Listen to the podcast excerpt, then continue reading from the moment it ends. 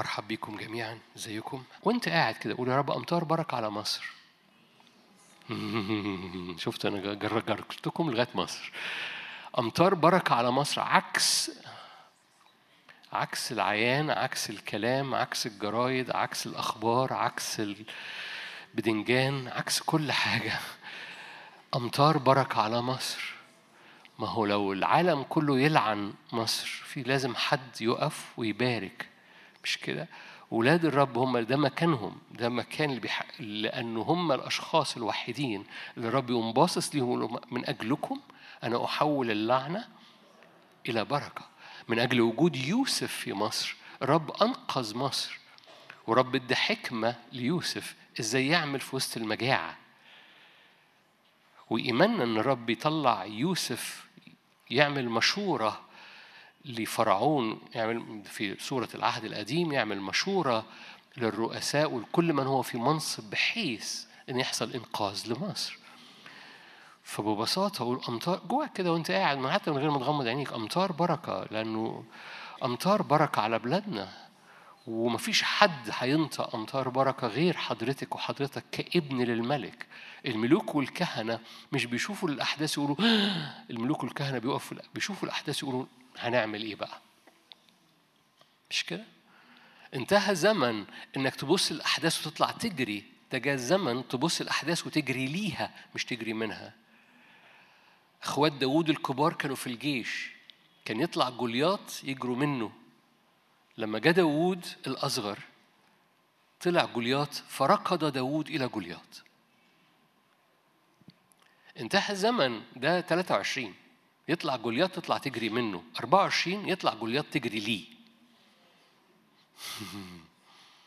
لأن حصل شيفت ويجب إنك تجدد ذهنك مع الشيفت اللي الرب يعمله جواك. جاء وقت استخدام حتى الحصاة الصغيرة، خلي بالك إخوات داوود الكبار كان معاهم سيوف. داوود كان معاه حصوات. ولما جم لبسوه سيوف لبسوه شاول لبسه ثيابه قال له ما- مش البرنامج مش ماشي ال software مش ماشي. لا- لازم ما ينفعش ألبس ثياب قديمة في زقاق في في خمر جديدة. ما ينفعش أتحرك بنفس الطريقة بتاعت 23 و 22 في الأزمنة اللي جاية. حصل shift في بوابة اتعبرت بالفعل. وفي أسلحة موجودة لحضرتك حتى لو أنت بتستصغرها أو بتبسطها أو بتقول دي قديمة أو مش بتقول دي قديمة بتقول دي آه، مش مش بتلمع زي السيوف ومش براقة زي مش عارف مين ومش عارف إيه. دي حصوات صغيرة من الوادي.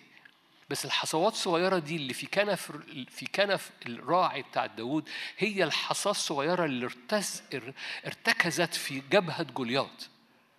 أبسط حاجة هتخرج من قلبك بس بحرية الروح اللي خير خارجة من ابن وابنة للرب مش محصور في نفسه أو محصور في ظروفه لكن مدرك إن في حاجة اختلفت في الزمن. أنا مش هطلع أجري من جولياط كعادة 23 أنا هجري لجولياط بإيمان. وقول له اليوم يحبسك الرب في يدي.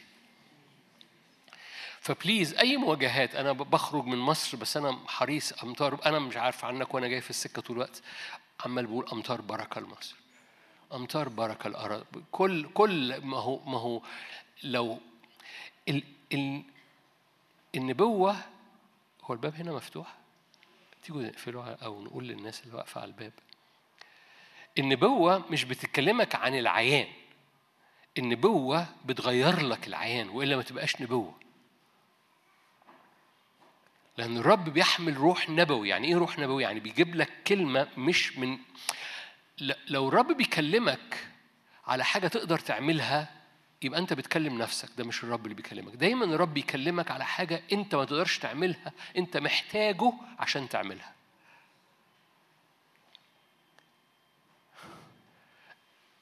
أنتوا جمال مش كده؟ فالرب دايما مش بيكلمك عن حاجة أنت قادر تعملها. ما لو قادر تعملها اعملها. لكن دايما ربنا بيكلمك عن حاجة أنت ما تقدرش تعملها عشان تحط إيدك في إيده فتعرف تعملها. بدونك لا أستطيع شيء بك أستطيع كل شيء. رب عمره ما راح لحد ولا راح لأرميا ولا راح لإيليا ولا راح لبولس ولا راح لأي حد. عهد قديم أو عهد جديد وكلمه عن حاجة يقدر يعملها. لكن دائما كان يتحدث عن حاجة أعلى من مقدوره عشان مسحة الروح القدس. كيف يكون لي هذا؟ قالت العذراء مريم. روح القدس يحل عليك قوة العلي تظللك. دائما دائما مش بس العذراء مريم في كل كل أشخاص في الكتاب المقدس الرب استخدمهم. كان الرب دايما بيكلمهم عن حاجة ملهاش دعوة بتحت رجليك بالعيان. ودايما الرب يستخدمك في عيان سلبي علشان السلبية بتاعت العيان والإيجابية بتاعت كلمة الرب بيعملوا شرارة دي. عارفين البطارية؟ في في زائد فوق في ناقص تحت. فالناقص ده في الأرض الزائد ده في اللي نازل من فوق وأنت البطارية. مثل أول مرة أقوله بالطريقة. بس في بس وجود الشحنة السلبية أو وجود السلبي اللي تحت رجليك مربوط جدا بكلمة الرب اللي ملهاش دعوة بالسلبية اللي بتمر في أرضك.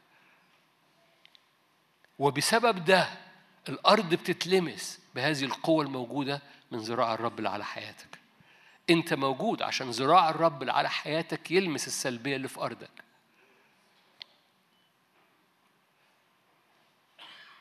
انت موجود عشان ايد الرب المحطوطة على حياتك تبقى هي هي هي الزائد اللي فوق البطارية. وهذه الايد الموضوع على حياتك تلمس السلبية اللي تحت رجليك. فانت موجود كموصل جيد لو تحب. لو مليان إيمان لو رافع عينك ومدرك إن السلبية دي مش minus minus حد فاهم حاجة؟ أنا بكمل في المثل مش عارف مظبوط ولا لأ بس بحاول. مش مش سلبي سلبي. لأ في حاجة في حاجة مليانة قوة مليانة نعمة مليانة عهد مليانة مسحة. موضوع على رأس حضرتك عشان تلمس السلبي اللي تحت رجليك وتؤثر فيه فيخرج تأثير. وكل ما تتملي من هذا هذه اليد المحطوطة على حياتك كل ما السلبية اللي تحت حياتك بتتغير. اوعى تحكم على حياتك من خلال الماينس اللي تحت. احكم على حياتك بحسب ذراع الرب القوية الموضوع على حياتك. فدائما الرب يأتي على أمور زي اللي بتحصل في بلدنا يقول لك مستعد تصدق مستعد تجري تجاه جولياط وتقول يحبسك الرب في يدي الرب يبارك بلدنا. أنا ما زلت دي أنا ما زلت بحكي معاكم. امطار بركة وانتهز أمور زي كده عشان تتنبأ. مطر متأخر يخلي حصاد كتير في بلادنا وبذور كتيرة أنت زرعتها بإيمان. الرب يأتي عارفين الآية في أرمية يقول لك يحفظ لكم أسابيع الحصاد المفروضة؟ فالرب يحفظ ليك المواسم بتاعة المطر المتأخر عشان مواسم حصادك للثمر اللي مليان جوس ده. تحفظ ليك. انت رميت بذرة من من أشهر ويمكن نسيت إنك رميتها. رميت بذر بلغة الزارع رميت بذرة في فبراير في نوفمبر. ويمكن نسيت إنك رميتها. أشهر عدت. بس أتاري البذرة اللي أنت رميتها في نوفمبر بيأتي زمن أمطار متأخرة وأمطار متأخرة يقول لك أعطيكم المطر كالوبل يعني ترخ. وهذه الأمطار لما تنزل فجأة تطلع الثمرة وثمرة كبيرة مليانة جوس حلوة شهية. ليه؟ لأنه أتاري كل بذرة مقاصد الرب إنه ينزل أمطار فتتملي بهذا العصير عشان تأكل منها حصاد أمين؟ أنتوا جمال. سفر التثنية. تثنية تم... تثنية 32 تثنية 32 تثنية 32 مشهور إنه نشيد موسى. تسمعوا نشيد موسى؟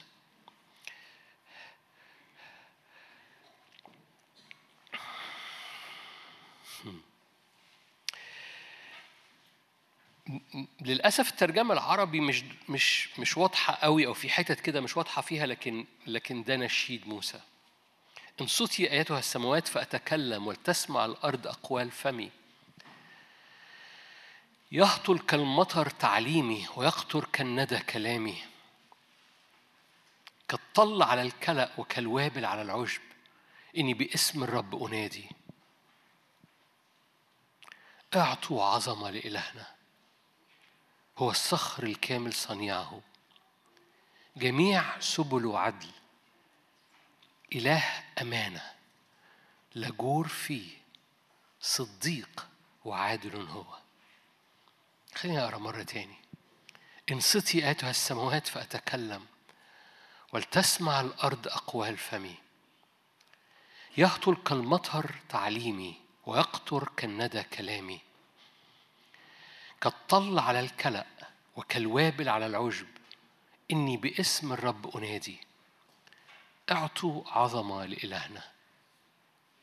هو الصخر الكامل صنيعه. في العر... في في العبري ترتيب الكلمات لأنها نشيد فترتيب الكلمات مش زي العربي قوي بس جميلة برضو. العربي أوكي لغاية دلوقتي شغال كويس بس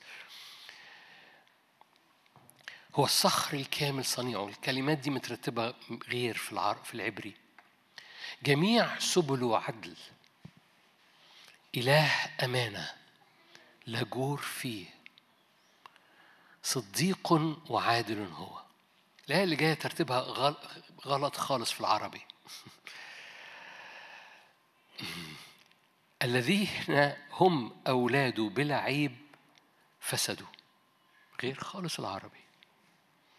الترجمة المشتركة لو أنت عارفين في ترجمة اسمها مشتركة وفي ترجمة مبسطة. الترجمة المشتركة مترجمها اللي أنا بقوله ده. الذين هم أولاده بلا عيب فسدوا. جيل أعوج ملتوي. الرب تكافئون بهذا يا شعبا غبيا غير حكيم؟ الكلام ده مش ليكم. أليس هو أباك؟ الكلام ده ليكم. أليس هو أباك ومقتنيك؟ هو عملك وأنشأك؟ اذكر أيام القدم. تأملوا سني دور فدور. اسأل أباك فيخبرك. شيوخك فيقولون لك. خليني أقرأ الحتة الأخيرة مرة تاني. أليس هو أباك ومقتنيك؟ هو عملك وأنشأك؟ أذكر أيام القدم تأملوا سني دور فدور. اسأل أباك فيخبرك وشيوخك فيقول لك. حين قسم العلي للأمم برضو ترتيب الآية دي في العبري غير. حين فرق بين بني آدم نصب تخوما لشعوب حسب عدد بني إسرائيل. في الترجمة المبسطة برضو يقول لك حسب عدد الملائكة. إن قسم الرب هو شعبه. يعني كل الشعوب أوكل عليها ملائكة. أما شعبه أوكل نفسه عليه. ده المعنى اللي في العبري واضح. هقرا مرة تانية حين قسم العلي للأمم حين فرق بني آدم نصب تخوما لشعوب حسب عدد بني إسرائيل أو حسب عدد الملائكة يعني أعطى ملائكة مسؤولة عن كل أمة.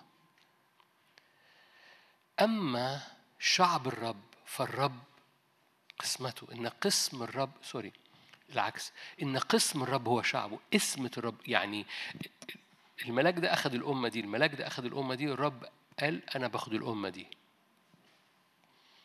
إن قسم الرب هو شعبه يعقوب حبل نصيبه. وجده في أرض قفر في خلاء مستوحش خرب أحاط به ولاحظه وصانوا كحدقة عينه. كما يحرك النسر عشه على فراخه يرف ويبسط جناحيه. يأخذها ويحملها على مناكبه. هكذا الرب وحده اقتاده وليس معه إله أجنبي.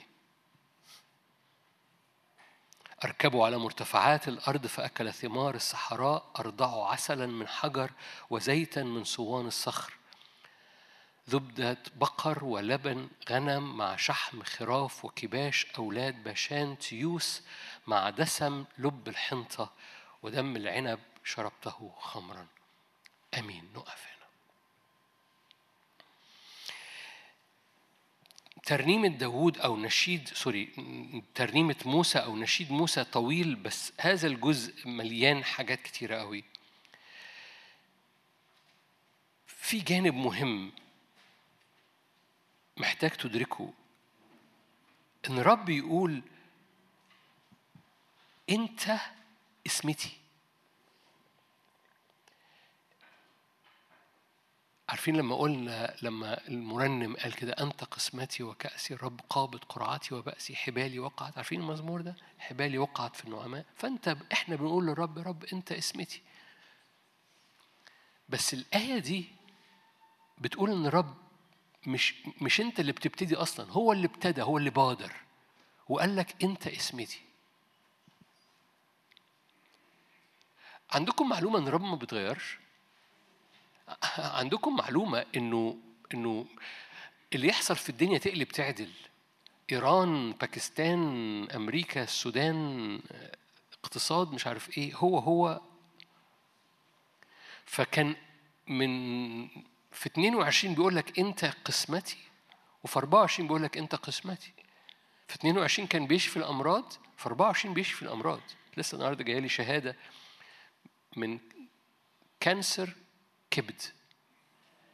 والشخص بعت لي الشهاده قال لي أنا استنيت سنتين علشان أشوف recurrence يحصل ل cancer كبد في الاجتماع. ما حصلش recurrence يعني بقاله سنتين مبرأ تماما من سرطان في الكبد. هو هو أنا أنا أنا بحكي قصة جانبية جت بالصدفة النهارده لكن هو هو يعني هو هو بيشفي النهارده؟ آه بيشفي طب ده الدولار غلي. آه هو بيشفي النهارده. هو ملوش دعوة بالدولار. ملوش دعوة بأخبار اقتصاد مصر. ملوش دعوة بالظروف. ملوش دعوة بالتحديات اللي بتمر. ملوش دعوة. هو هو هو. مش ملوش دعوة. هو ليه دعوة؟ بس دعوته انت قسمته. انت انت شعبه وغنم مرعاه. اهتمامه محبته أمانته. شايفين هو قال إيه؟ جميع سبل عدل إله إيه؟ أمانة؟ ده آية أربعة لجور فيه صديق وعادل هو. هو الصخر الكامل صنيعه. هو لا يتغير. محبته لا تتغير أمانته لا تتغير. أنت اسمته. ما عندوش حد يحط اسمته فيه أو يحط ميراثه فيه إلا أنت. أنت ميراثه. فممكن ما تقلقش. مش عايز أوعظ ممكن أوعظ وعظات منمقة بجمل منمقة بس أنا هوقف الجمل المنمقة وأقول لك ممكن ما تقلقش. please أنت قسمة الرب. ولو لو الرب بيقول لك أنت قسمتي اطمن لأنه هو بيهتم بقسمته. لو أنت ميراثه هو بيهتم بميراثه لأن ميراثه حسن جدا. لو انت ميراثه هو بيسيك حواليه وبيعمل سور حواليه وبيسقيها كل لحظة وبيهتم بيها قال دي الكرمة بتاعتي فاكرين؟ ولأن دي الكارما بتاعتي أنا بحط سور حواليها وبسقيها وبهتم بيها وبشيل الأشواك منها وبغير كل حاجة وبكبرها وبحملها إلى الجبال فاكرين؟ تعالوا بص أركبه آية 13 أركبه على مرتفعات الأرض يعني طلعه إلى الجبال الجبل مسؤول إنه يحملك إلى الجبال. خلي بالك هنا الآيات بعد روحي وبعد أرضي. على مستوى البعد الروحي هناك جبال هناك هناك آه، عسل من حجر وزيتا من صوان الصخر. دي كلها أمور روحية. ما هو أرض التي تفيض لبن وعسل. أرض كنعان ما كانش بتفيض لبن وعسل. لكن البعد اللي خارج من أرض كنعان هو الشبع والفرح هو إن في شبع مستمر وفي ساتسفاكشن في رضا مستمر عمال بينسكب في حياتك لأنك في أرض مليانة من حضور الرب لما إسحاق زرع في الأرض اللي كان فيها مجاعة قال أخذ 100 ضعف ليه؟ لأن القوانين المتحركة جوه إسحاق مش بره إسحاق، القوانين المتحركة جوه إسحاق بتخلي بره يتغير. Are you here؟ القوانين متحركه جوه اسحاق مش بره اسحاق بتخلي اللي بره يتغير. فاكرين البطارية؟ نسيتوا البطارية. افتكرتوني كنت بهزر. الأرض سلبي بس اللي جوه اسحاق بلس فوق. في زائد فوق في البطارية. في ناقص تحت رجلين اسحاق فالناقص ده مليان مجاعة بس الزائد ده بيقول له ازرع في تلك الأرض في تلك السنة. فالأرض طلع مئة ضعف لأن القوانين مختلفة في اللي حاصل في حياة إسحاق اللي جوه إسحاق. ما تبصش على اللي براك وتقول ما هبص لما برايا يتغير هصدق في المعجزة. نو المعجزة بتحصل جواك. أنت بتجري للأرض السلبية لأنك أنت جواك شحنة. ما زلت جمال. ما زلت جمال. أنا بقالي كذا أسبوع عمال بدوس في فرب يحمله على بس خلي بالك اخذوا على اخذوا على الجبال اخذوا ثم أرضعوا عسلا من حجر وزيت من صوان صخر وبعد كده 14 يحكي عن أمور عملية. فهو اخذوا الأمور روحية وأمور عملية اللي عمال بيحمله لأن أنت نصيبي أنت قسمتي. هو اللي بيقول لك ليك أنت اسمة الرب أنت نصيب الرب. أنت المكان اللي الرب يضع فيه كل استثماراته. لو الرب هيستثمر في الأرض هيستثمر في مين؟ غيرك.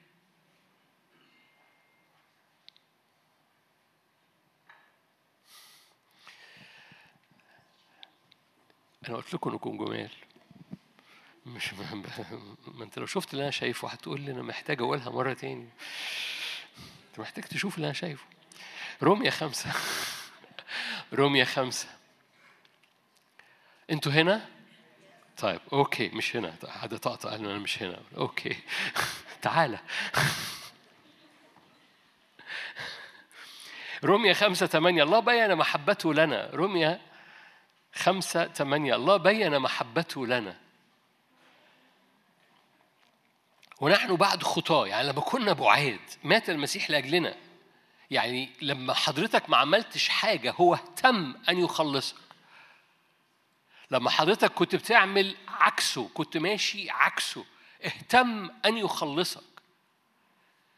فبالأولى كثيرا ونحن متبررون الآن بدمه. يعني وأنت الآن ابن متبرر بالدم نخلص به من أي حاجة من من الغضب. أنتوا شايفين الآية؟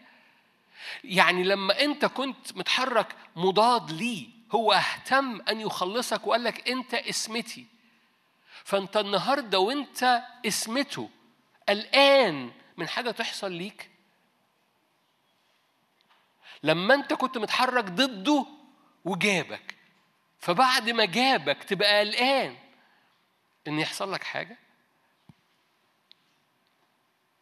الرب يضع كل استثماراته في ولاده لأن كنيسته أو عروسته أو الكنيسية بتاعته هو مكان اللي من خلاله مجد الرب يغطي وجه الأرض. فبيضع كل استثماراته كل محبته كل سكيبه كل تغييراته كل قداسته كل النقاوة كل شغله بيعمله في ولاده لأن من خلال ولاده هو بيأثر في الأرض. فبيضع كل استثماراته فيك. فبتمد إيدك لأنك مدرك أنا اسمة الرب أنا اسمتك. هتروح مني فين؟ أنت بتقول له هتروح مني فين؟ هو بيقول لك أنت ابني أنت بنتي وأنت بعيد أنا حبيتك فالآن وأنت متبرر بدمي مش مصدق إنك تخلص من أي غضب. اللي هي وراها نفس إن كنا ونحن أعداء صلحنا مع الله بموت ابنه. شايفين اهي لم ونحن أعداء. لما كنا أعداء صلحنا مع الله بموت ابنه. فبالأولى كثيرا ونحن مصالحون. You الآن؟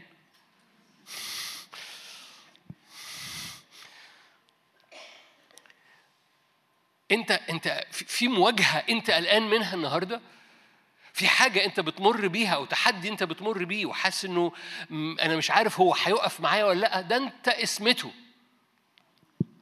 في باب مقفول انت قلقان يتفتح أو ما يتفتحش ده انت اسمته. فبالأولى كثيرا ونحن مصالحون نخلص بحياته. لو نحن بعد أعداء صلحنا فكان بالحري ونحن أبناء. عشان كده هرجع مرة تاني معاك لتثنية. بيدرب جن... فاكرين مش بلاش نفتح التثنية فاكرين فاكرين القصة بتاعت ال... ال... ال... بيخلي الفراخ تطلع على جناحاته ويرميها عشان تتعلم الطيران؟ فاكرين الآية دي؟ بص معايا أبص معاكم حاضر. تسنية 32 نفس النشيد نشيد موسى. تسنية 32 إن قسم الرب هو شعبه آية 9 يعقوب حبل نصيبه وجده في أرض قفر. في خلاء مستوحش خرب يعني ما جبناش من حتة كويسة. أحاط به لاحظوا صانه كحدقة عينه. كما يحرك النسر عشه وعلى فراخه يرف ويبسط جناحيه ويأخذها ويحملها على مناكبه. هكذا الرب وحده اقتادك. أطلق قوتك. أطلق قوة أجنحتك من خلال المواجهات. أنتوا عارفين القصة دي لما النسر يهز العش عشان الفراخ الصغيرة اللي مش عايزة تطير متدفية؟ تبتدي تقوم خارجة بره العش وتبتدي لأول مرة تحرك جناحاتها. عارفين القصة ده ده ده عظة مشهورة قديمة معروفة. فالنسر يقوم محرك العش من خلال المواجهات دي. هو رب عضلات لأجنحتك بس خلي بالك الكونتكست كله انت اسمته. ال ال ال ال ال السياق بتاع الآيات كلها اطمئن تماما. ده هو أخذك من خراب وأخذك من خلاء عشان ياخدك إلى قمة الجبال. فبيعلم أجنحتك قوة في المواجهات. التحديات اللي بتمر بيها بتكبر أجنحتك مش هتموتك. التحديات اللي بتمر بيها بتزود صلابة الإيمان وصلابة القوة وصلابة الوقفة كملك وراء الرب. حد يؤتمن؟ لأنه أبوك بيأتمنك على الزمن الجاي. أبوك بيأتمنك. أبناء لما بينضجوا بيأتمنهم. فكل تحديات بتمر بيها هي فرصة ائتمان. رب يقوم مؤتمنك عشان هو دعيك إلى قمة الجبال. النسور هم بيتحركوا لقمة الجبال. عشان كده هو خلي بالك السياق إيه؟ هو الصخر الكامل صنيعه. هم مين صنيعه؟ حضرتك. ما خدتوش بالكم؟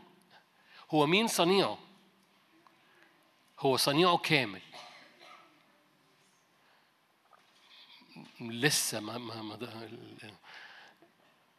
الكوين ما نزلش في الجهاز لسه. هو صنيعه كامل. وانت صنيعه اذا هو وراك لغاية لما يطلع حاجة كاملة منك. انت اسمته. انت اسم في في هذه الحالة بتقف قدامه وتقول له انت بتتكلم عن نفسك بتقول له انت صنيعك كامل. فكمل صنيعك. كمل البنى كمل العمل كمل النقاوة كمل التقوية كمل القداسة كمل الإيمان كمل الرؤية كمل الدعوة اللي في حياتي كمل صنيعك في كل أمور محيطة بي أنا اسمتك. أنت أنا مجال استس... كل استثماراتك بتحطها عندي. مش بت... ده ده مش كبرية ده اعتماد. ده إدراك إن الإيد المحطوطة عليك هو اللي بتعمل الزائد في بطارية حياتك لأن السلبي كل ما بيزداد رب يزود البوزيتيف في البطارية بتاعتك. تزداد الخطية تزداد النعمة جدا. مش عشان دي تبقى سلبية لكن عشان الشحنة الإيجابية تتملي في شحنة حياتك للتأثير للطاقة. عشان كده بتعيش في حالة بالعكس ده, ده, ده عكس الكبرية هو أنت في حالة اعتماد مستمر على هذه اليد الموضوعة على حياتك. وهذه اليد الموضوعة على حياتك خلي بالك هي اللي بتعمل كل فرق هي اللي بتعمل الشفاءات اللي بتحصل في وسطينا هي اللي بتعمل تحريرات أو الأمور اللي بيرفعها الرب من على قلوب كثيرة لأن يد الرب الموجود الممدودة أقوى جدا. يقول لك لم يقوده إله أجنبي ليس معه إله أجنبي. هكذا آية 12 هكذا الرب وحده اقتاده وليس معه إيه؟ حلو قوي إله أجنبي دي مش كده؟ ما فيش إله أجنبي. يعني خلي بالك ارجع لأن ده ده السياق السياق جميل جدا لما تقراه في العبري جميل جدا. عشان كده قال بصوا لما قسم الشعوب حط ملائكه على الشعوب. لكن لما جه يقتاد شعبه هو شخصيا اقتاده معهوش حد تاني. هو ده الريفيرنج بتاع إله أجنبي. يعني إيه إله أجنبي؟ يعني ما بعتلهمش ما بعتلهمش ملائكه ده أنا.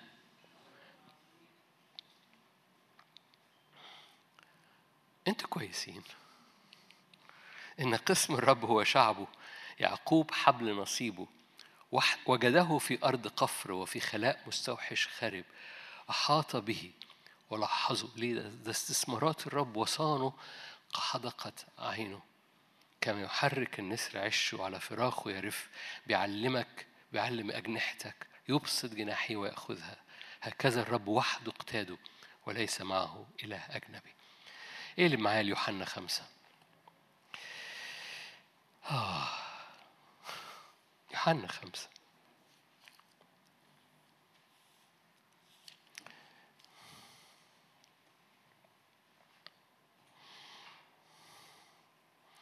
قصة مشهورة في يوحنا خمسة بس أنا هنط معاكم في آيات بعديها شوية. أبتدي من آية 16 كان اليهود يطردون يسوع ويطلبون أن يقتلوه. لأنه عمل هذا في سبت. عمل إيه؟ ده بركة بيت حزدة المفلوج بتاع بركة بيت فقوم المفلوج اللي بقاله 38 سنة.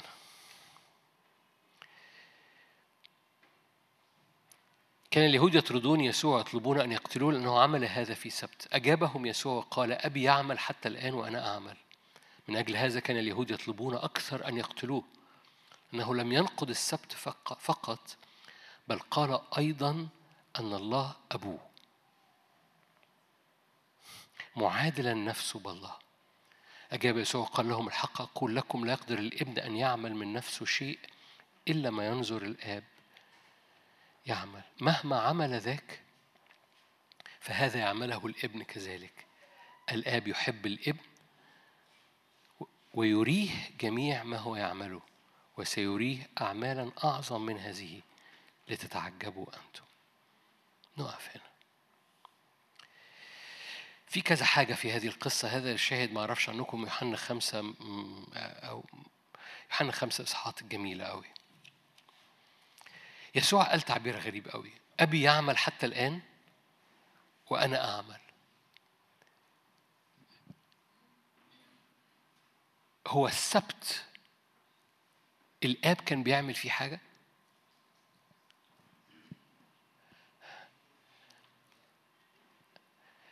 شريعة اليهود إن السبت ده الآب فيه استراح مش كده؟ في السبعة أيام في ال- في الخلق في الخلق في اليوم السابع استراح في سفر الخروج قال كده هذه شريعة علامة بينكم وبين الرب لأنه في اليوم السابع استراح الرب وتنفس. سفر الخروج سبعة 17 تقريبا. هقرا لك الآن طلعها لك على الشاشة. خروج مش 17 لا. خروج 31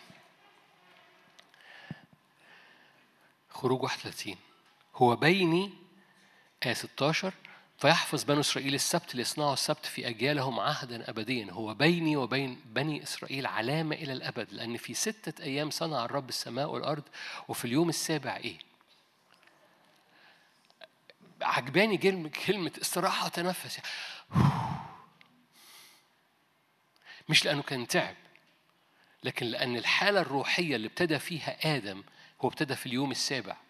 فالحالة الروحية اللي ابتدى فيها آدم هو في راحة الرب. أول يوم في حياة آدم كان يوم راحة. يسوع في يوحنا خمسة قال تعبير عجيب جدا. أبي يعمل وأنا أعمل. لو أنا كنت في المشهد هطلع راسي كده أقول بس بالمناسبة الأخبار بتقول إن هو لا يعمل في السبت. معاك مربوطة بصناعة الملوك لأن إحنا ما زلنا في هذه السلسلة بتاعت صناعة الملوك. الآب ارتاح في اليوم السابع. والابن جه من خلال راحة الآب في الابن. الابن كان بيصنع معظم معجزات يوم السبت. الابن أكمل العمل وجلس عن يمين الآب. من خلال راحة الابن فيك المعجزات تحصل في الراحة اللي حاصلة من خلالك. الآب جلس لأنه أكمل العمل بس الآب الجالس في الابن يسوع خلى الابن يعمل معجزاته يوم السبت. الآب ارتاح؟ ده سؤال. الآب ارتاح في الابن؟ الابن في الآب المرتاح كان بيصنع المعجزات يوم السبت. الآب جالس؟ قال للابن اجلس. الابن الجالس فيك بيصنع المعجزات في السبت بتاعك.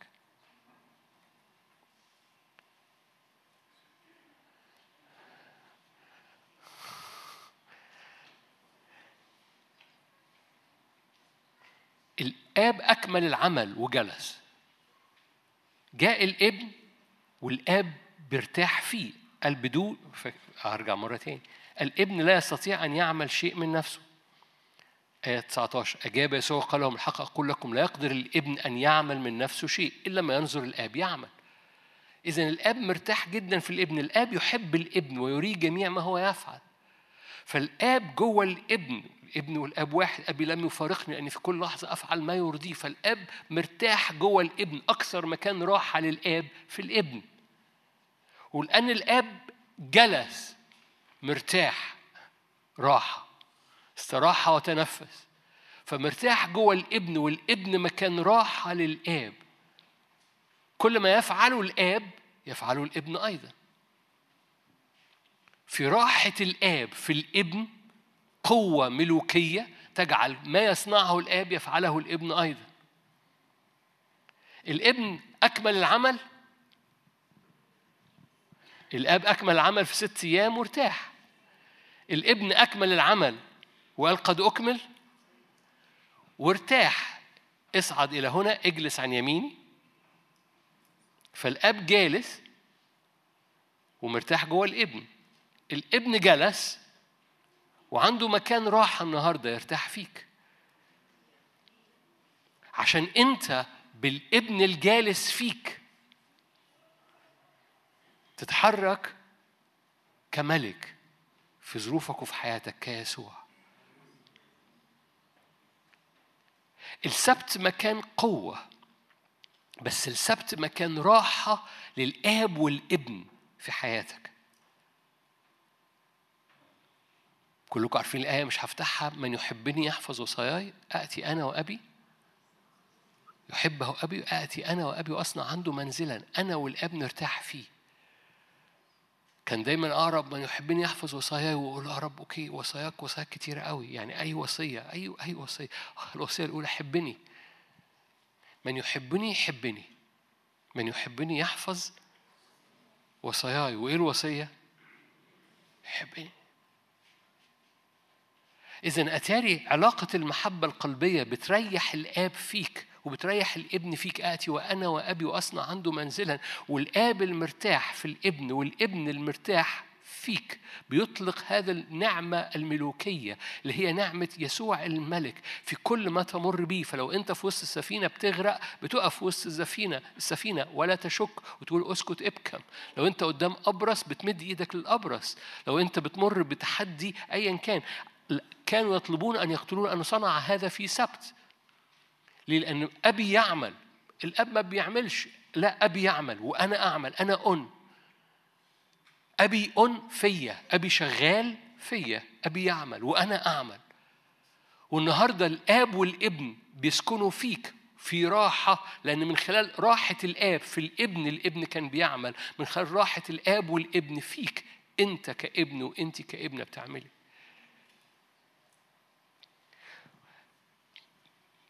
قصة السبت مش قصة طايرة في الهواء قصة السبت هي قصة تجسد أو وجودك قدام الرب اللي فيه الآب والابن بيجدوا مكان راحة فيك. وهو ده المكان الوحيد اللي بيطلق هذه الراحة من خلالك كملك. العمل وجلس. الابن خلص العمل. اجلس عن يميني. كملوا أنتوا الجملة. فالاب الجالس والابن الجالس دول الملوك ده ملك الملوك ورب الأرباب فبتقف قدام الرب عشان جلوس الرب فيك راحة الرب فيك بتطلق حاجة جواك. نحن المؤمنين عبرين نحن المؤمنين ندخل إلى الراحة إلى هذا المكان اللي مليان الملوك بيجلسون. أنت بتجلس ولا في كرباج وراك؟ الملوك بيجلسون. إيه اللي بيخليهم يجلسون؟ إن في حد جالس فيهم. زي ما الآب كان مرتاح في الابن فأبي يعمل. أبي يعمل إزاي؟ أبي الآب لا يع... دول اتغاظوا قالوا ده جعل نفسه مساويا للآب. آه أبي بيعمل فيا. أبي جالس فيا. أبي معي كل الأيام. لم يفارقني. لأن في كل حين أفعل ما يرضي يسوع قال كده في يوحنا 8 هذه السكنة وهذه الراحة إنك مدي مساحة راحة. الابن كان مكان راحة للآب في الأرض. حضرتك مكان راحة للآب والابن في الأرض بالروح القدس. هذا المكان الراحة هو حالة جلوس. يعني إيه جلوس؟ ده الجالس ده الملك. والرب بيصنع ملوك. الملوك دول جالسين. بتعرف تجلس؟ أنا أكيد مش بتكلم على إنك قاعد على كرسي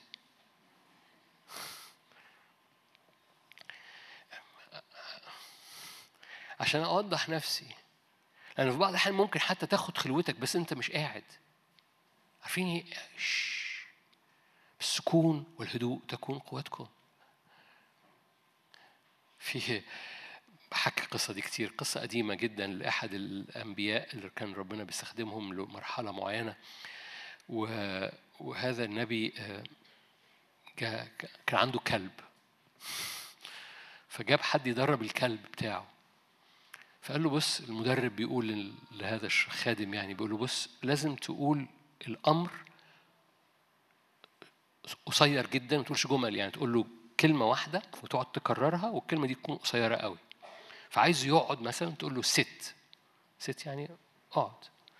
ف وتقعد تكررها لغاية لما يستوعب هي جملة محددة قصيرة بصوت واضح ست. فقعد يعمل كده مع الكلب درب الكلب. فخلص تدريب الكلب وراح يقعد مع ربنا. أول ما قعد ربنا قال له ست.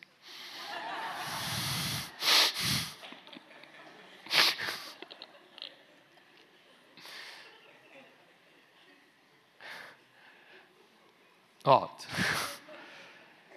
مش بيقول له اقعد. بيقول له اقعد. أنتوا فاهمين مش كده اقعد. اقعد. اقعد. ما ما تقعدش على الكرسي والتروس شغالة والمكنة شغالة عمال أقول مكنة تحميص شغالة. اقعد. الآب ارتاح وتنفس. عشان كده أنا جبت الآية.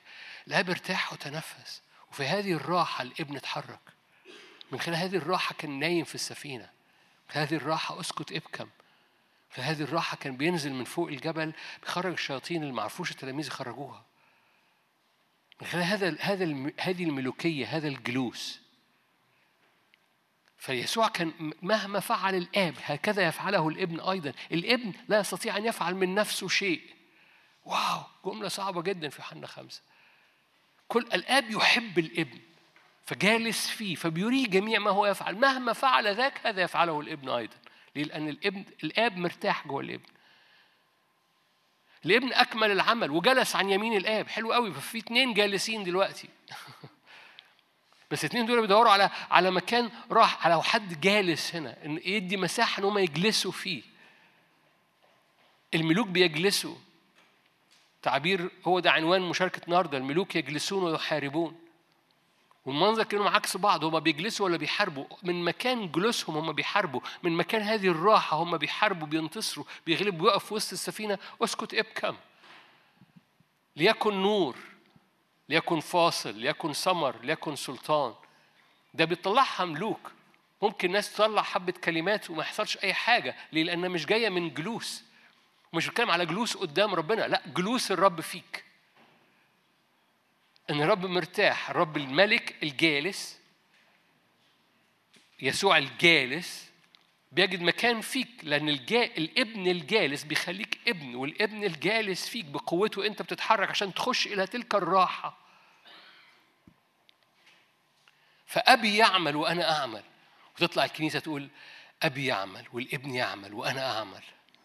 ليه؟ لأن مهما عمل مهما عملوا هؤلاء هكذا نحن أيضا نعمل. الكنيسة لا تستطيع من نفسها أن تفعل شيء إلا ما تنظر الآب والابن يعمل. الأب والابن بيحبوا الكنيسة ويريهم ويروا الكنيسة كل ما يريد أن يفعلوه. فمهما فعل ذاك هكذا تفعل الكنيسة أيضا. أنتوا خدتوا بالكم أنا عملت إيه دلوقتي؟ هي هي نفس الآيات. الأب يحب الابن ويريه جميع ما هو يفعل. الأب والابن بيحبوا الكنيسة ويريهم جميع ما هو يفعل جميع ما هما يفعلون لأن الكنيسة بدون الآب والابن لا تستطيع أن تفعل شيء لكن براحتهم فيك.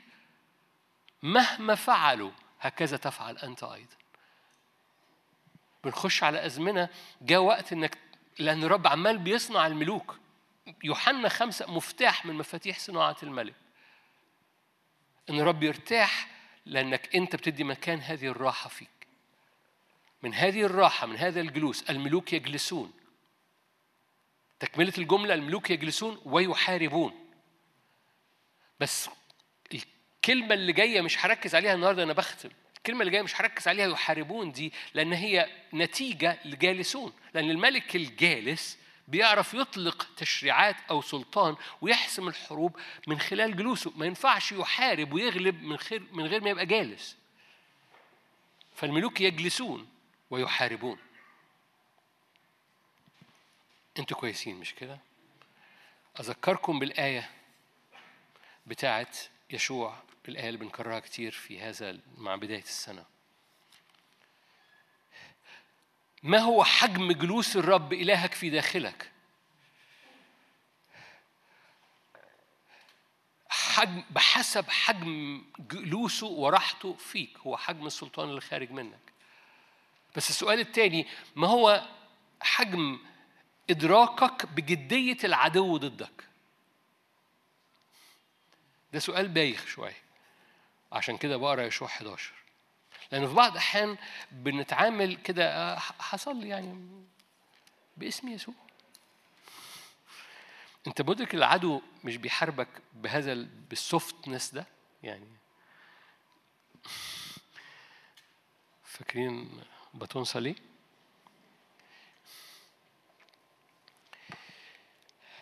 آيات اللي بنكررها كتير من أول السنة. يشوع 11 18 عمل يشوع حربا مع أولئك الملوك أياما كثيرة.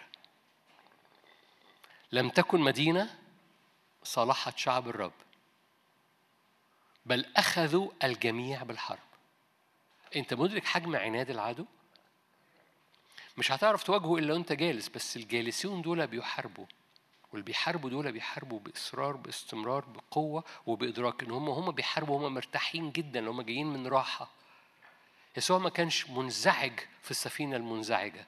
يسوع ما كانش مضطرب لما الشعب اضطرب. يسوع ما كانش لما الدنيا المشهد كان مضطرب جدا لما نزلوا من فوق جبل التجلي. يسوع ما كانش مضطرب. قال لهم يا قليل الإيمان. وأمطرد الروح. القصة كلها إن الجالس ده أيا كان المواجهات عناد العدو ما بيقدرش يستمر قدامك. إيه حجم أنت مدرك حجم عناد العدو؟ لو أنت أدركت حجم عناد العدو هتفضل مثبت إيدك مرفوعة شوية زيادة في الأوضة. لو أنت أدركت حجم عناد العدو مش هتسيب نص شفاء نص راحة نص مصالحة نص آه، باب. مش هتسيب الأمر للنص. يسوع دفع ثمن كامل والعدو بيحاول يدي يعدي لك نص نتيجة اللي يسوع عمله. لأن الأرض اللي أنت داخل عليها العدو هو اللي واخدها. فلما العدو يطلع لك نص نتيجة ما, ما, ما تقبلش. ما ترضاش بقليله. لأنك مش أنت اللي دفعت الثمن. يسوع دفع ثمن كامل. جملة بايخة أوي ما ترضاش بقليله دي. القناعة كنز لا يفنى دي مش آية. أو مش آية في الملكوت. العطش والجوع هم اللي بياخدوا كل مجد الرب. يسوع دفع ثمن كامل لحرية كاملة لمجد كامل لاستخدام كامل لدعوة كاملة لشفاء كامل. فمن فضلك اعرف عناد العدو لم تكن مدينة صالحة الشعب. أخذوا كل شيء بالحرب. ليه؟ ملوك كثيرة أيام كثيرة لكن امتلاكات كثيرة. لأي شعب مثبت إيده فثبت إيدك. الملوك يجلسون ويحاربون. والحرب مش مش بالمجهود. الحرب لأنها جاية من كل ما يهريك الآب والابن. هكذا تفعل. الآب يحب الابن ويريك جميع ما هو يفعل. مهما فعل ذاك. مهما فعل ذاك. فالابن وقف وسط السفينة وقال أسكت ابكم. إيه الأخبار؟ آخر مرة وقفت في وسط بيتك ورفعت إيدك كده وثبت إيدك بقصة مدرك إن في عناد للعدو. أسكت ابكم. وفضلت مثبت إيدك لغاية لما التموج المياه وقف. سفينة البيت لما وقفت قدام باب مقفول إن كان في الاستخدام إن كان في الدعوة إن كان في الراحة إن كان في الحرية وفضلت رافع إيدك ارتفعت الأبواب الدهرية ويحصل مقاومة. آه أنت أنت عارف عناد العدو. ملوك كثيرة أيام كثيرة تحديات كثيرة لكن امتلاكات كثيرة. وأنا جاي من راحة أنا مش جاي من إنزعاج أنا مش جاي من اضطراب. يسوع ما كانش مضطرب. أسكت ابكم. الاب مرتاح جوه الابن والأبن الأب اللي مرتاح جوه الابن مهما فعل ذاك هكذا يفعله الابن أيضا. مهما فعل الاب والابن هكذا الكنيسة تفعل أيضا. هو قال الأعمال التي أنا أعملها؟ تعملونها وإيه الأخبار؟ ليه؟ لأن الاب والابن بيسكنوا فيك. فالأبناء بيجلسون الملوك يجلسون. يجلسون لأن في حد جالس أكمل العمل. فالاب اللي خلص العمل والابن اللي خلص العمل ساكنين مستع... عايزين يرتاحوا فيك. الآب اللي خلص العمل والابن اللي خلص العمل عايزين يرتاحوا فيك. ولو ارتاحوا فيك ده بعد ملوكي بيخليك جالس. جالس يعني سلام. جالس يعني ملك. جالس يعني حالة داخلية من المملكة الداخلية. الملوك الملوك مش منظر من بره الملوك تربية داخلية. الملوك كواليتي نوعية. الملوك مش هيبة من بره بس. لو ثياب من بره ومن جوه عبد فضيحة. لكن لو جوه ملك حتى لو ثيابه مش واضحة إنه ملك بيتصرف كملك سلطانه كملك بيوقف ويقول اسكت ابكى. الآب والابن عايزين يجدوا مساحة جلوس جواك لأن من خلال ده بتحصل حالة داخلية من الملك فيك جعلنا ملوكا. لأن هو أكمل إحنا بدونه لا نستطيع أن نفعل شيء. مش ملك فأنا متفرعن نو no. ملك فأنا محتاجه جدا إنه يرتاح فيا. لما بيرتاح فيا في بعد ملوكي سلطان ملوكي من هذه الراحة من هذا الهدوء من هذا السكون بتنفس. لأن هو بيتنفس فيا. لأن هو جلس وتنفس. وقال للابن اجلس. فأتي الآب والابن. والكنيسة تقدر تقول الآب والابن بيعملوا وأنا أعمل أيضا. Are you here؟ نورت يا ترى ولا ما نورتش؟ الأب والابن بيعملوا وعش... الأب والابن بيعملوا في مصر. لأن هم بيجدوا مكان راحة فيك فالأب والابن بيعملوا في البيت عندك. لو اديتهم مساحة إنه يتحركوا جواك، الأب والابن بيعملوا في أولادك، بيعملوا في أجواءك، بيعملوا في شغلك، بيعملوا في أبواب خدمتك وكل ما تتحرك أحبائي كل حركة خدمة في هذا الزمن أخبار بترجع لي يبعتوا لي عندنا خدمة كذا صلي لنا. حاجة جميلة قوي. يعني أنا بالنسبة لي ببقى فرحان جدا ليه؟ حد بيخدموا خدمة كذا ورايحين وأنا قاعد في البيت هللويا. بس أنا باخد غنيمة معاهم. أنا باخد غنيمة معاهم ليه؟ لما لما ليه؟ كل كل الأخبار رحنا نعمل خدمة وراجعين حصل وحصل وحصل وكل رب عمل والرب اتمجد وبعد حد تاني رايحين صلي لنا أوكي ليه؟ عارف في غنيمة ليه؟ لأن الرب عمال بيتمجد في هذا الزمن في كل حركة حضرتك بتتحرك فيها لأنه عمال بيعمل. أب يعمل والابن بيعمل في حضرتك وحضرتك بتعمل. ولما تتحرك بهذه من خلال هذه الراحة كم الحصاد كم السلطان كم النعمة كم البركة اللي عمالة بتحصل كم الشفاءات اللي عمالة تحصل متنوعة فاكرين إن هيحصل بؤر مشتعلة؟ من خلال اجتماعات صلاة وبيوت صلاة وبؤر مشتعلة. الرب عمال بيملى بلادنا. تصور في الزمن ده؟ يمكن ما عندكش انت أخبار. أخبار عمال بيعمل بؤر مشتعلة في بلادنا. أكثر من 23 وإحنا لسه أنتوا مدركين يناير خلص؟ إحنا لسه امبارح كنا في احتفال رأس السنة. يناير خلص. بس عارفين في يناير اللي خلص ده كم اللي الرب عمله غير عادي. فعايز أشجعك جدا. ادي مساحة إنه يرتاح فيك. اديله مساحة إنه يرتاح فيك. هيطلع بعد ملوكي عمره ما خرج منك. وهذا البعد الملوكي هيتحرك على كل حاجة بتعملها. لأن الملوك يجلسون. العنوان ملوك يجلسون ويحاربون. لأن العدو بيعاند. محتاج إنك تدرك بس إنه أخذوا لم تكن مدينة صالحت بل أخذوا الجميع بالحرب. أختم بآية في جامعة ثمانية أنتوا هنا؟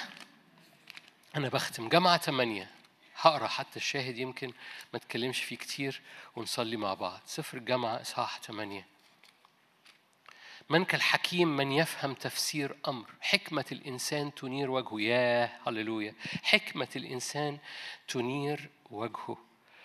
اطلب حكمة لأن الرب بيديك حكمة في هذا الزمن. الملوك مربوطين بالحكمة.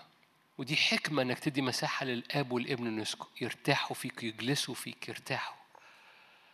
عمليا يعني إيه؟ عشان نكون بتكلم عملي أنا أتوقع ان اكون بترجم أنت عملي لأن ده اللي أنا بعمله مع نفسي بس احتياطي أترجم. يعني إيه الآب والابن يرتاحوا جواك؟ يعني بتديهم مساحة وأنت قدامهم بتنتظر قدامهم. والرب يقوم يرف على فراخه اللي هو حضرتك وحضرتك ويحرك العش وتطلع أفكار وتقوم واخدها وترتاح بيها قدام الرب. وكل ما الرب يهز العش كل ما ترتاح قدام الرب وترفع أجنحة إيمانك بدل ما تغرق في أفكار ترفع أجنحة إيمانك وراء الرب. ليه؟ الرب عمال بيعلم أيديك القتال وأصابعك الحرب. لغاية لما يرتاح الرب في كل حتة فيك.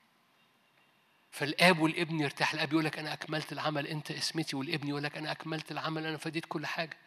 الآب يقول لك أنا مهتم أنا ألاحظ كل خطوة فيك الكرمة بتاعتي أنا أصونها ألاحظها كل لحظة أسقيها أصور حواليها. والابن يقول لك أنا دفعت كل الثمن فديتك من كل لعنة ما تخافش ما تبصش لورا أنا الصليب في ظهرك. فالآب والابن يرتاحوا في كل منطقة ويقوم زي ما عارفين الراجل بتاع اللحام يقوم جاي هنا هنا في ثغرة ويقوم عامل بنطة لحام وهنا في حتة ويعمل بنطة لغاية لما يقفل لك كل حاجة. الآب يقوم مقفل لك أمور والابن يقوم مقفل لك أمور واللحام هو الروح القدس هو النار.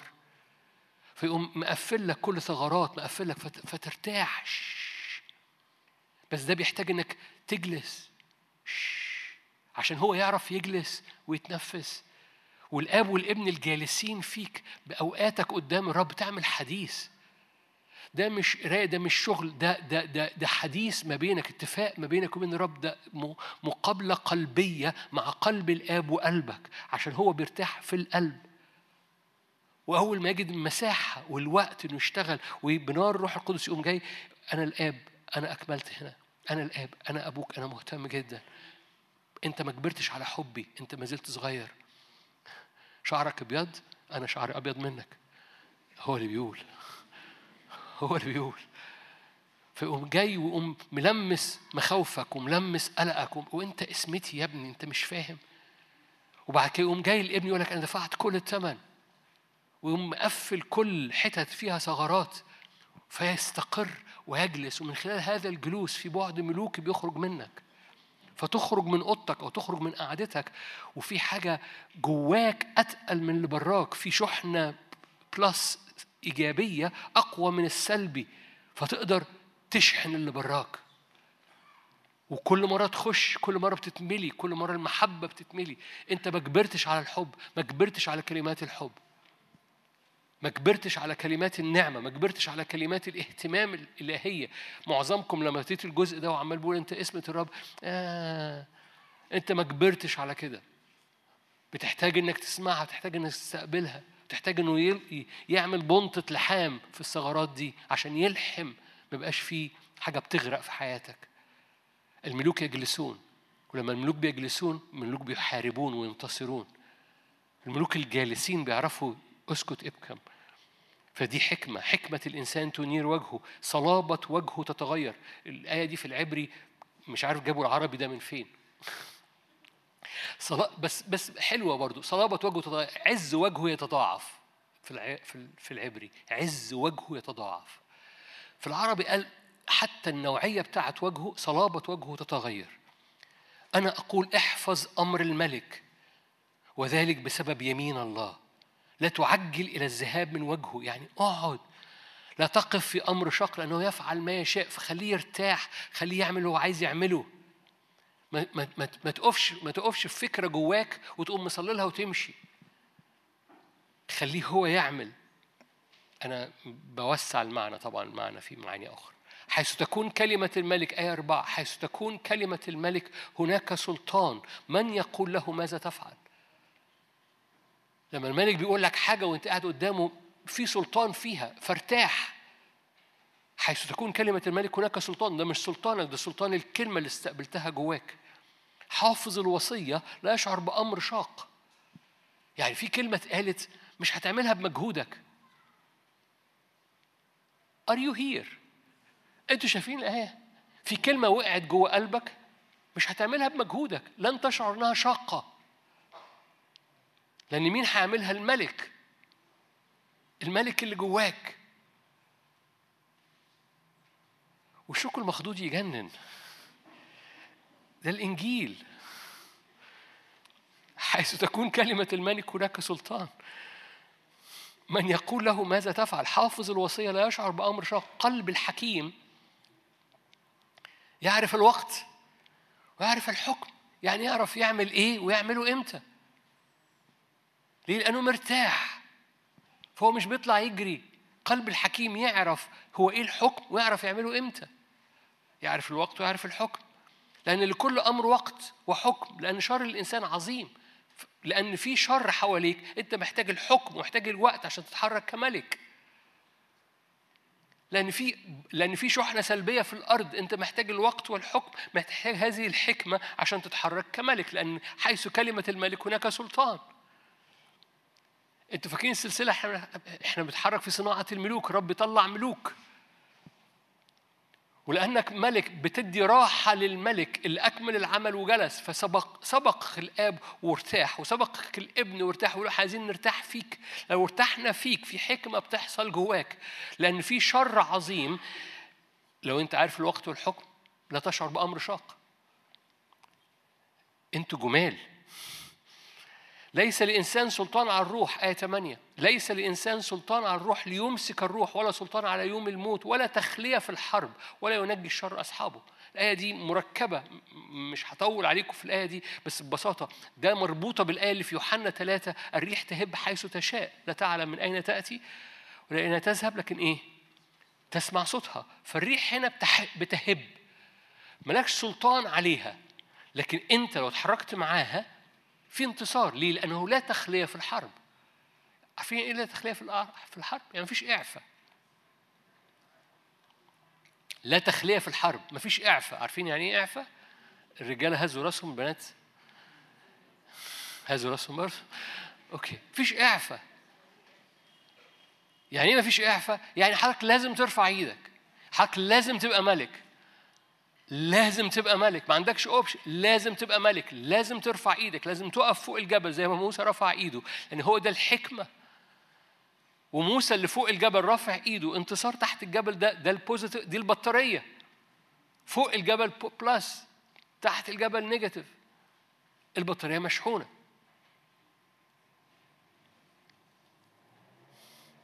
لا تخلية في الحرب. مفيش إعفاء.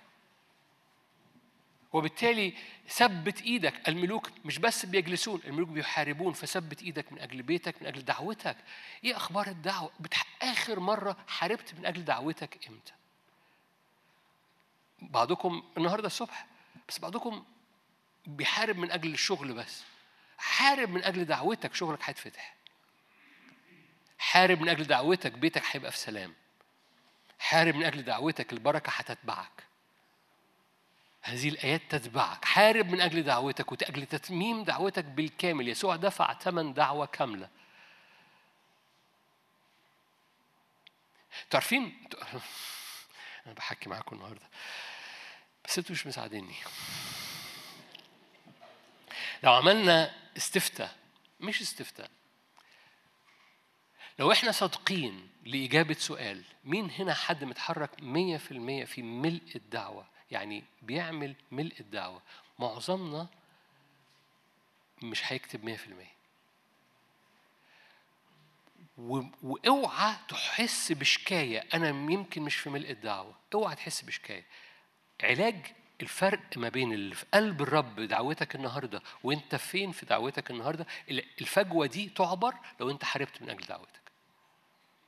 ولو حاربت من أجل دعوتك هتلاقي نفسك واقف في دعوتك بالنعمة ولو وقفت في دعوتك كل هذه الأمور ستزاد لك. فخليني أقول لك مرة تاني لا تخلية في حربك من أجل دعوتك. لأن الرب اختار الضعفاء والمزدرى وغير الموجود مش محتاج أكرز لك بقى على الدعوة أنت مدعو. ولأنك مدعو محتاج تقف من أجل دعوتك لأن العدو يحب يشتت عينيك من الدعوة اللي على حياتك. أرى أرى أبطال رافعين إيديهم يقولوا يا رب أنا بحارب من أجل دعوتي. أنا أريد أنت دفعت ثمن كامل من أجل دعوة كاملة. مش موافق على نص دعوة ولا 20% دعوة ولا حتى 80% دعوة. أنا عايز 100% دعوة لأنك دفعت 100% صليب. 100% فداء. ف100% دعوة. 100% سلطان ملوكي. 100% نار نازلة من عرش النعمة. تعالوا نقف كلنا تعالوا نقف كلنا. هللويا. كمل رافع إيدك وكمل صلاة معايا. يسوع دفع ثمن كامل. يسوع أكمل العمل. يسوع عمل فدا كامل. فلك نتيجة كاملة. يسوع دفع ثمنها. هللويا. مجرد ثبت قلبك وراء معايا. لا تخلية في الحرب. لا تخلية إنك تقف وتحارب من أجل دعوتك. لا تخلية في الحرب. في اسم الرب يسوع. هللويا. هللويا. أشجعك ارفع إيدك لو تحب في البيت لو تحب. في اسم يسوع في اسم يسوع. الآب أكمل العمل في اليوم السابع. الابن أكمل العمل على الصليب وجلس. الآب والابن يصنعوا مسكنا عندك. في اسم الرب يسوع. هللويا. أبويا السماوي افتح عينينا. افتح عينينا. افتح عينينا وأنت بتقول أنتوا اسمتي افتح عينينا وانت بتقول أنتوا الكرم بتاعي. افتح عينينا وانت بتقول أنا بأسيك حواليكم أنا بأنقيكم أنا بدربكم أنا لوقت مثل هذا أعددتكم. افتح عينينا وانت بتقول أنا الحكمة أنا الدهنه النازله على حياتك وعلى قلبك. افتح عينينا وانت بتنادي على أبطالك. اخرجوا يا اسر الرجاء. اخرجوا. لأن أرد لكم ضعفين. اني دفعت الثمن. افتح عينينا وانت بتنادي على الأبناء لأنك أب صالح إله امانه لا جور فيك البتة. صنيعك كامل. الصخر الكامل صنيعه. هللويا! الصخر الكامل صنيعه. افتح عينينا وانت بتنادي على أرواحنا. اتنقلوا من من الحالة إلى حالة. عز وجهك يتضاعف صلابه وجهك تتغير. افتح عينينا وودنا وانت بتنادي علينا. أنا بغير طبيعتك بغير صلابتك بغير فرحك. هللويا. افتح عينينا وانت بتنادي على كل واحد واحدة فينا. اطلق دعوتك اطلق مجدك اطلق سلطانك في هذه الأجواء. هللويا. روح الله املى المكان. روح الله استقر على راس كل قلب هنا. روح الله اضرم النار واضرم الدعوة واضرم الإيدين الممدودة.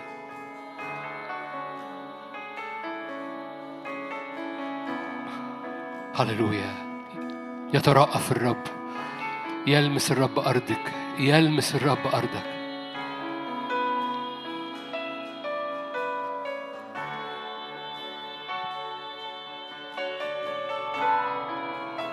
هللويا. لا عيان يؤثر على إيمانك. الإيمان موجود عشان يغير العيان. الإيمان موجود عشان يغير العيان تحت رجليك. ضع يدك على راس كل حد فينا. الإيمان موجود عشان يغير تحت رجليك بيحصل إيه؟ دوس يا نفسي بعز. الإيمان موجود عشان يغير تحت رجليك فلا تخاف. إذا سرت في المياه لن تغمرك. إذا سرت في النار فلن تلزعك. أعطي أناس عوضا عنك. شعوب فديتك. لأن الرب قسمته هو شعبه قسم الرب هو شعبه. الصخر الكامل صنيعه.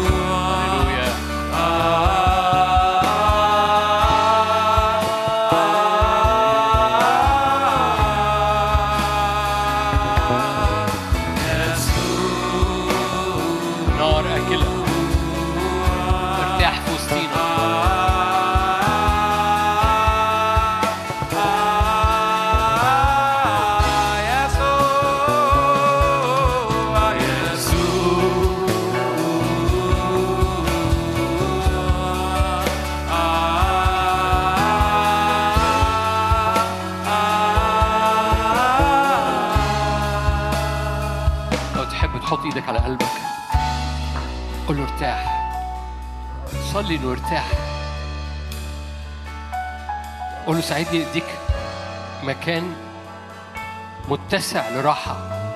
هذه راحتي لأني اشتهيتها مسكنا. الرب يقول كده على أولاده. ارتاح. لتجد مكان راحة في قلبي لتجد مكان راحة في ذهني. كل ما هو مسر كل ما هو جليل كل ما هو طاهر في هذا افتكروا.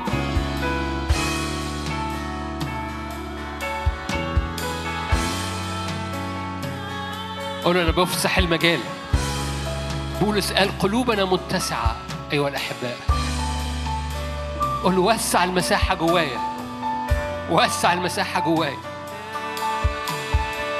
ذهني مليان أمور. سلام. البعض حاطط إيده على را- راسه من غير ما أقول له.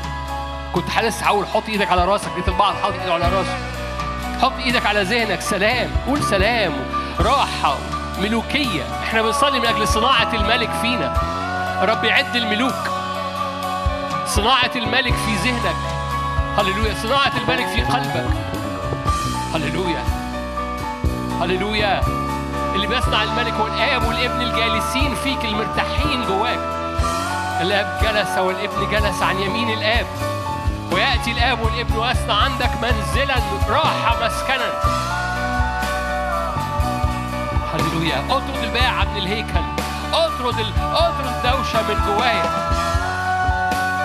أنا بختارك أنت بختارك أنت بختارك أنت أبرع جمالا.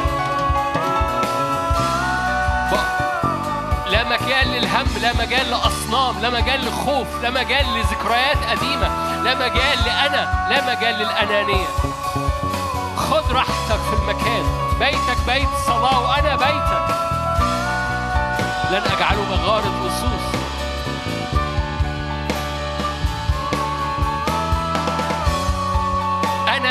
اسمتك وأنت اسمتي. قول له كده. قول ما تتكسفش تقولها. الرب يقول لك انت اسمتي. قول له قول له أنا اسمتك وانت اسمتي. حبالي وقعت في النعماء الميراث. حسن عندي يا رب. فأطرد الباعة من الهيكل. سلام سلام سلام سلام للأذهان. سلام للقلوب سلام للأفكار. راحة. ست هللويا. سكنة. جلوس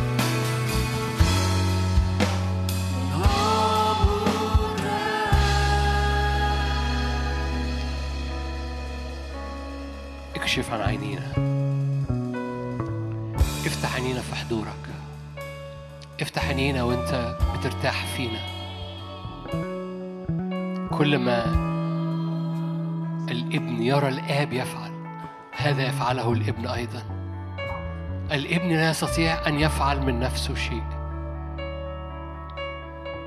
الآب يحب الإبن ويريه جميع ما هو يفعل. لو تحب ترفع إيدك وردد الآية دي زي ما هي. الآب يحب الإبن ويريه جميع ما هو يفعل. قول أنا بستخبى في الإبن. الآب يحب الإبن ويريه جميع ما هو يفعل. الابن لا يستطيع أن يفعل شيء من نفسه. أنا لا أستطيع أن أفعل شيء من نفسي. إلى كل ما أرى الآب يفعل. أنا بستخبى في الابن. هللويا. افتح عن عينينا فنرى. كحل عينينا بكحل لكي نبصر. طوبى لأعينكم لنا تبصر. طوبى لآذانكم لنا تسمع لأنه الاستماع أفضل من الذبيحة. الإصغاء أفضل من شحم الكباش. عبور باسم الرب يسوع. سماع للصوت وقيادة باسم الرب يسوع. يفتح السيد أذنيك للسمع فتسمع. الملوك بيسمعوا للملك. هللويا. الآب والابن اللي بيرتاحوا فيك. بيطلقوا إعلان بيطلقوا صوتهم. عشان تخرج أنت وتقول أسكت ابكم. عشان تخرج أنت وتقول تنادي على العظام. هب يا ريح على العظام اليابسة. تنادي على العازر هلم خارجا. تنادي على البعاد هلم خارجا. يا رب افتح عن عينينا واسقب اذاننا لنسمع ما يقول الروح للكنيسه باسم رب يسوع أرفض التراب من على أبطالك. كحل عينينا بكحل كي نبصر صلي الآن من أجل مسحة إبصار ومسحة سماع في حياتك. تطلق الملك تطلق الصوت الملوكي. هللويا باسم الرب يسوع. هللويا. رب يفتح أذان في هذه الأزمنة ويفتح عينين في هذه الأزمنة. فنبصر ما ما يريد الرب أن يفعله. الآب يحب الابن ويريه جميع ما هو يفعل.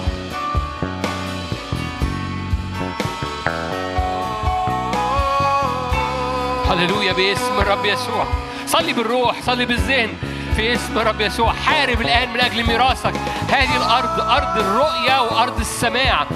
كل تشويش عليها ردوا. لا تشويش على القيادة لا تشويش على الرؤية لا تشويش على الأحلام لا تشويش على الرؤية رؤى القدير مفتوح العينين. لا تشويش على الحس الروحي. صلي معايا. خد هذه الأرض الآن. خد هذه الأرض الآن. خرافي تسمع صوتي الرب يسوع قال كده إيه أخبار السماع الصوت عندك؟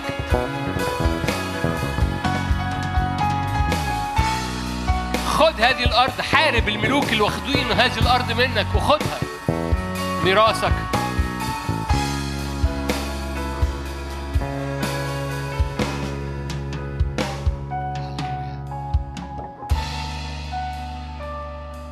قال النبي أسمع ما يقول الروح. سيد الرب قد تكلم. الأسد قد زمجر فمن لا يخاف. هللويا.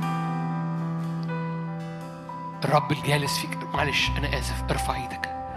الرب الجالس فيك الآب والابن المرتاحين الجالسين الملوك جالسين فيك. هذا الرب الجالس فيك له صوت. هذا الرب الجالس فيك يحبك ويريك هو بيعمل إيه وعايز يعمل إيه.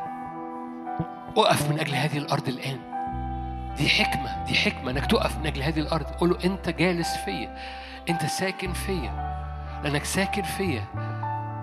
أنا بأخذ أرض الرؤيه وأرض سماع الصوت. بأخذ أرض إني أبني كل حاجة في حياتي. على صوتك وعلى كلمتك بحسب المثال اللي أنت بتوريهوني. هللويا. رب يطلق أبطاله رب ينادي على رب ينادي على الحس الروحي. المع في النور. ليكن نور على حسك الروحي. ليكن نور على بنوتك وبنوتك وراء الرب لأن الأبناء ملوك أبناء الملك ملوك. ليكن نور على رجليك وعلى خطواتك على طريقك يضيء نور. نور ملوكي على طريقك مسير ملوكي طريق الملوك. في حاجة في الكتاب المقدس اسمها طريق الملك. ليضيء الرب نوره على طريقك أيها الملك أيتها الملك. باسم الرب يسوع. لا حيرة لا لن تصطدم بحجر رجلك. طريق مقدسة. حتى الجهال فيها لا يضلوا يسلك المفديين فيها. باسم الرب يسوع. يثبت خطواتك من تحتك فلا تتقلقل عقباك. هللويا. نور باسم الرب يسوع. نور نور في الأذهان نور في القلوب نور في رؤى وأحلام نور في الطريق نور على الرجلين. في اسم الرب يسوع.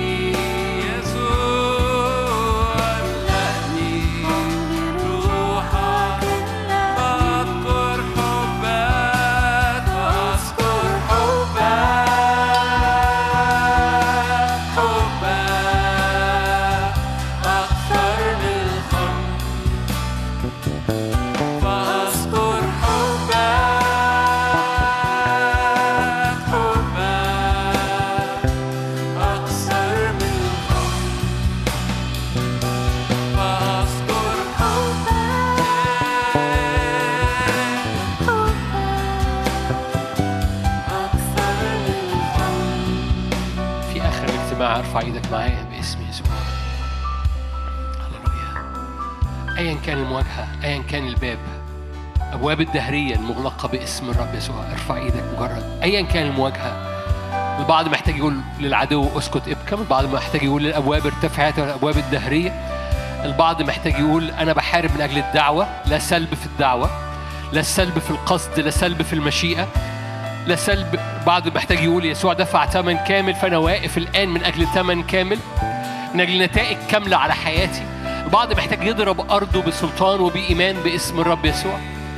زي ما إليشع أخذ الرداء وضرب النهر مرتين فانفلق النهر. بعض محتاج يضرب الأرض تحت رجليه فتعبر باسم الرب يسوع. يعبر شغلك يعبر بيتك تعبر نفسيتك ومشاعرك. اعمل شغل وراء الرب الملوك بيعملوا شغل.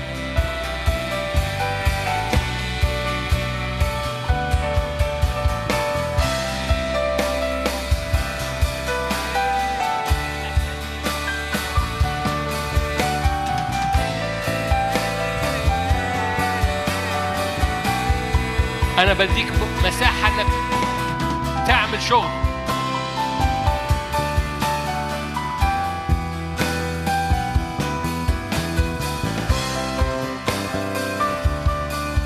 ثانية واحدة ثانية واحدة ثانية واحدة. البعض صلى وخلص صلاة. ما ما بالنسبة لي معناه إنك خلصت صلاة إنه مشاكلك اتحلت. البعض البعض وقف صلاة مش مدرك إن العدو معاند. مش, مدرك إن العدو محتاج يتضرب عشر ضربات عشان أرض مصر. البعض محتاج مش مدرك إن في أراضي كثيرة بقيت للامتلاك ولا تخلية في الحرب فأنت محتاج تضرب وتضرب وتضرب. البعض لما الملك رمى ثلاث سهام وقف غضب النبي. قال له يا ريتك كنت رميت خمسة. فبليز التحم. هنكمل دقيقتين كمان. التحم في الدقيقتين اللي فاضلة. أنا عايزك تخلص شغل. عايزك تخرج من هنا وخلصت الشغل. مش عايز يبقى عندك واجب في البيت. فمن فضلك كمل صلاة. من فضلك كمل صلاة. استمر القي سهامك. ارمي كل سهامك إلى إلى الفناء إلى الحسم. إلى الف... إلى فناء العدو. تشبث وحارب إلى الفناء إلى فناء العدو. لأني بحبك. أنا مش عايزك تخرج من الاجتماع من غير ما تكون خلصت.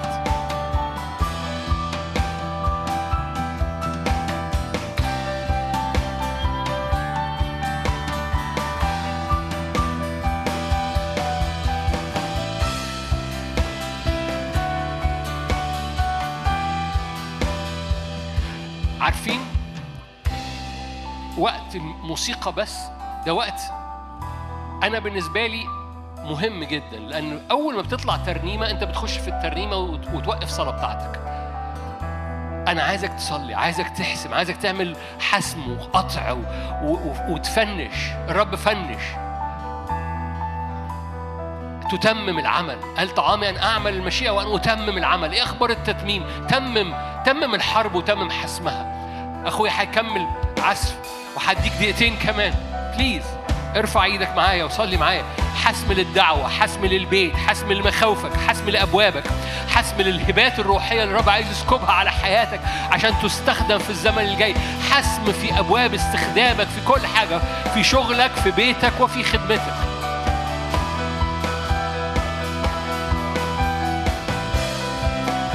البعض محتاج يصلي من أجل ولاده. البعض محتاج يحط قلبه فعلا في صلاته من أجل الأسرة. حط قلبك فعلا. ما تصليش كده بلاستيك. حط قلبك فعلا. أراضي للامتلاك باسم رب يسوع أراضي بسلطان وللامتلاك. هللويا. أرض خدمتك للامتلاك باسم الرب يسوع حط قلبك في الموضوع. تخليش عناد العدو يرمي مية باردة عليك. حط قلبك في الموضوع. هللويا. أنا لسيدي هللويا. لو العدو عمال بيجذبك لورا قول أنا لسيدي. أنا بدفع نفسي لقدام أنا برمي نفسي لقدام. أنا للسيد بالكامل. لو العدو بيعاند معاك. هللويا. هللويا. اشعل نارك اشعل نارك. قول له اضرم نارك. لا أريد إلا إضرامها. اضرم نارك. هللويا. حارب من أجل النار. حارب من أجل النار. لا للبرودة الروحية.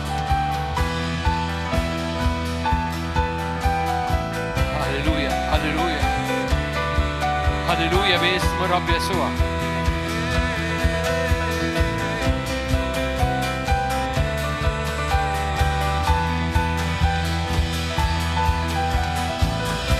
أي أمراض أي أمراض.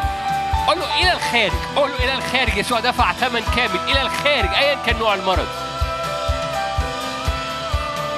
أي أمراض روماتويد أي أمراض مناعة أي أمراض immune هللويا باسم الرب يسوع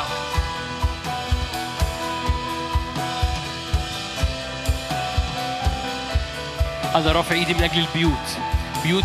صلاة بيوت بركة بيوت حضور إلهي بيوت نهضة أنا رافع إيدي من أجل البيوت بيوت صلاة ولو أنت شاب أو شابة أوضتك أنا بصلي من أجل أوضتك رافع ايدي من أجل البيوت رافع ايدي من أجل الاوض حضور إلهي نقلات. بيتك لن يعود كما كان من قبل. أوضتك لن تعود كما كانت من قبل. بيوت صلاة أوض نهضة أوض حضور إلهي باسم الرب يسوع. ومن البيوت إطلاق لأبطال. خارجين وراء سيدهم باسم الرب يسوع. أنا رافع إيدي من أجل بلدنا باسم الرب يسوع. أمطار بركة على بلادنا يوسف في بلدنا يتحرك بحكمة باسم الرب يسوع. مخازن يوسف تملى بلدنا عكس العيان.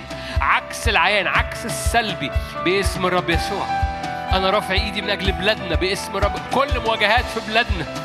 هللويا. قوانين مختلفة تحفظ شعبك. قوانين مختلفة تحفظ شعبك. قول كده أنا تحت قوانين مختلفة. أنا تحت قوانين مختلفة. أنا تحت قوانين مختلفة. من النعمة. القوانين دي قوانين نعمة قوانين محبة قوانين حضور باسم الرب يسوع.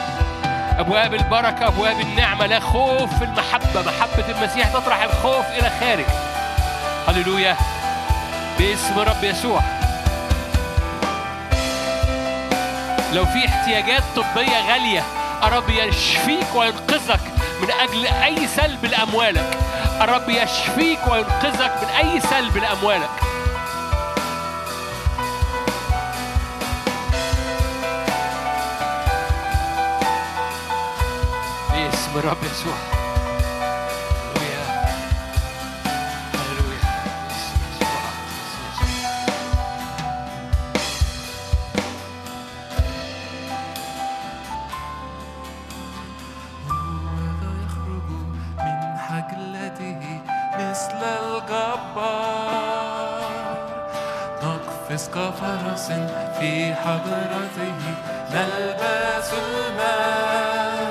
خروجه يقين. هو ذا يخرج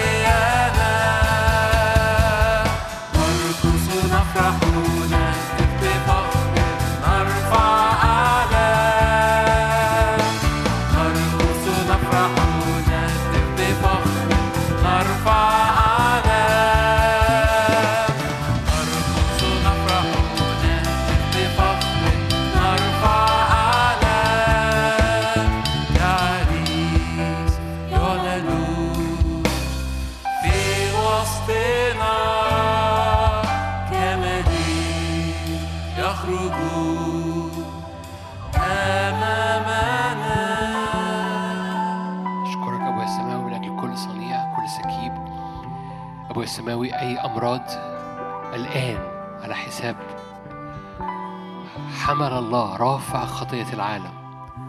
حمل عنا أوجاعنا حمل عنا أمراضنا حمل عنا تحدياتنا باسم الرب يسوع. مرفوعة على الصليب موضوعة في اسم الرب يسوع. أشكرك. محبة الله الآب نعمة ربنا يسوع شركة وعطية الروح القدس تكون معكم تدوم فيكم من الآن وإلى الأبد. آمين. ربنا معاكم ملء البركة.